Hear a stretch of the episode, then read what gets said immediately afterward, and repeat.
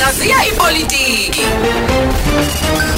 Hlaziya ipolitiki. sizongena la ohlelweni nomnumzane ke unhlanhla mntaka sithi hlaziya ezepolitiki sikubingelele kukhozi FM abendlovu enamandla enhla nasezansi ishebe ngedadewethu lethimba lonke Mm njengomhlaziyi wezepolitiki usipho lapha ngibona eh, umthiya ebona amanye ama amxhandela angazi noma ama talent noma amakhono noma ubizo kodwa ngibona ezinye izinto ayishoyo kuwe. Athi ubone ngathi mhlambe khona into obungayinakile. Angazi noma isithunywa. ngaphathi isikhwama. amthiya uzongiba uzongiphathela kathule. Isihloko ke esikhuluma ngaso sanamhlanje sithi bayaqhubeka abesifazane ukuba izindibi kupolitiki. Ngabe kusho ukuthini lokho? Dadewethu lesi simo siyishwa. Mhlawumbe siqale sichaze ngegaba leli indibi udibi kwakungabafana noma abantu kwakuphuma amaqhawe yona empini bese lokhu babambele ngiyikhali eh ibona babambele ikhala yapheka enza konke kodwa kuthi ma kwenzeka iqhawe lisala empini kuyobonakala ngodibi seliphethe ihlango zalo ukuthi hayi ngisho ukuthi sekonakele mm. Ithi ke ngeshwa abantu besifazane namhlanje hayi izolo ayikuthange namhlanje basuqhubeka nokuba izindibi kwipolitiki bayindibi zabesilisa kwipolitiki okunto eyishwa. Kungani ngithi yishwa asikho isikhathi emzabalazweni wabohlanga labesifazane babengekho khona. Babekhona be- bengamakhosikazi bekhona bengomama bekhona be- be- be- bengodade wabo abesilisa abanye balabo mama. Nabo njengabesilisa bathwala ubunzima baboshwa. Bayedingisweni benza yonke imikhuba eyenziwa kubantu besilisa ngamafuphi bukhona ubufakazi bokuthi ayikho into ehlukile yenziwa besilisa emzabalazweni engenziwa ngabesifazane. Into ehlukayo ubuholi noma ukunikwa imisebenzi ethize yokuhola abanganikwa besifazane ngokukhululeka. Konke amaqembu akhona abohlanga. Ngabe ukhuluma iphutho wesifazane othi iqembu lakhe hawu lamnika nje ilungelo noma amalungelo akhe engalwanga. Kufanele baze balwe kufanele baze basikhumbuze ukuthi bakhona. Akwenzeki nje ukuthi kuthiwa hayi eh kukho- kukhethwa umroza kulungile kuqhutshwe impilo kuyaqalwa kukhulunywe kushiwo zonke izinto lezi inganekwane ezingekho alikho iqembu labohlanga eNingizimu Afrika elike laqoka owesifazane ukuthi alahole alikho. Mm. Uma lisoba khona usazozwa kukhulunywa kube kuyizathu ezingekho sonke sinjalo. Kubantu abasha abesifazane uqala lapha ezinhlaka zentsha abantu besifazane alikho iqembu elikwenza lokho ngokukhululeka. Uma beke bamfaka ngisho lapha ezinhlakeni zesikole eh, kwangqondo enkulu emanyuvesi. Uma beke bamfaka uyabona amadoda ukuthi hayi awadonsi kahle. Aloko efuna nje ukumnyakazisa. Ngizama ukuthi isimo lesi esingekho kuphela emaqenjini epolitiki layo siwabonayo amakhulu sikhona ngisho enhlakeni nje zomphakathi naseyinhlakeni zabafundi. Ngithi ke kuyishwa lokho. Kodwa sesiwagceke sawaqeda amadoda ukuthi awenzi kahle kodwa nabo abesifazane bayigila kulokho ngoba esikhundleni sokuthi balungise indaba ezikhuluma ngabesifazane bagcina indaba zamadoda. Yabona izolo nakele nje amadoda asekwa ngabafazi lapha kupolitiki. Izwe lonakele nje loniwa amadoda lisha nje lishiswa amadoda bakhona abafazi abafeka amadoda. Abayikhulume zabo bakhuluma lezi eziseka amadoda bavunywe futhi ukuthi basetshenziswe amadoda ukuthi kukhulunywe indaba zamadoda zingakhulunywe zabafazi neqembu.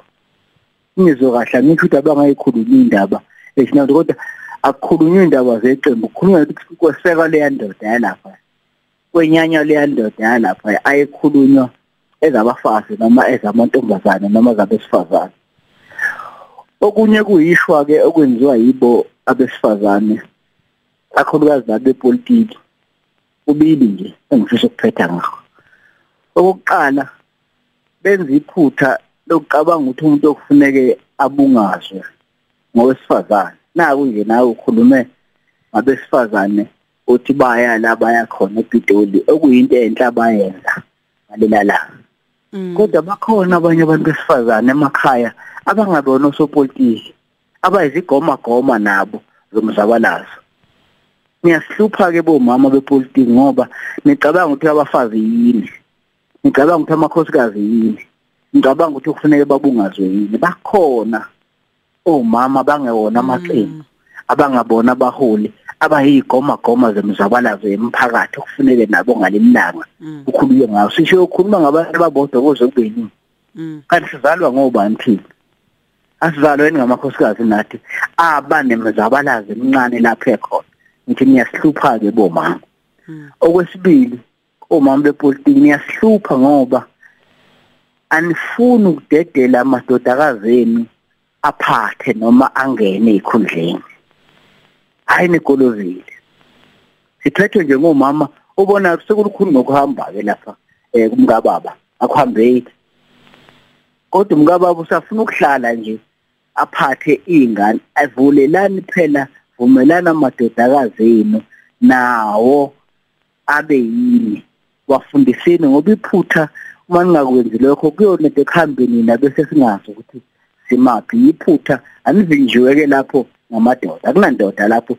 Yini nje bomkababa enivimbe amadodakazi enu ukuthi abe yini ngesikhathi sawo nifuna ukuhlala ekuze kweqe?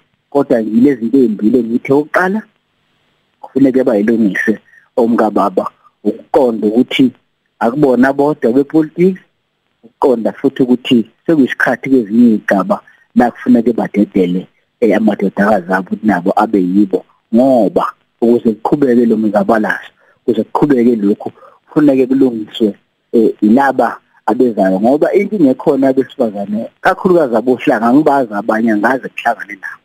Kulaba bohlanga inkinga zabo eh zicacela kwizukulwane ngamafuphi mungasubeke nje umama bani owazalwa eh ngo1930 owazalwa ngo1960 owazalwa ngo1976 nozalwe manje izinkinga zabo ziyafana.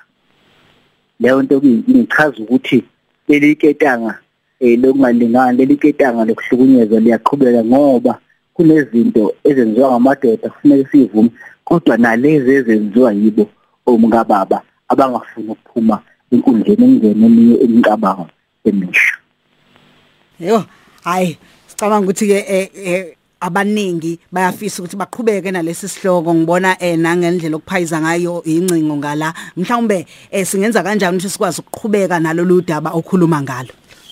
Singaxoxa nje inkundleni zokuxhumana dadewethu ku Facebook bayede news eh na ku Twitter @nhlanhla mtaka noma ethi bayede news.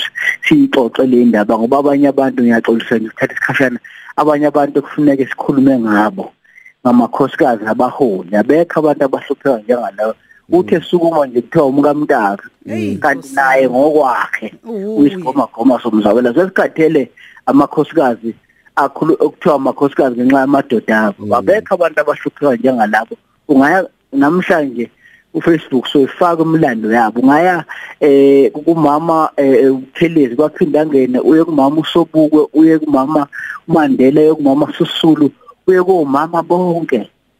Bakhulunywa njengamadoda abo bakhulunywa njengegoma goma okuyiphutha okufanele sililungiselele ngoba njengoba ngisho awukho umlando eh okuveza ongakuvezi ukuthi abesifazane babe khona bilingana namadoda emzabalazweni yabo ngabo abanganike ngoba ngenxa yabayini babo. Kwathi mase bengasekho yabona nje medi ihamba indoda kade ipolitiki akasaziwa ke lenkosikazi ngoba abantu babathi umkabani inhlamba nje leyo embi kufuneka siyeke singabantu bayizigoma goma ngokwabo. Siyabonga. Siyabonga.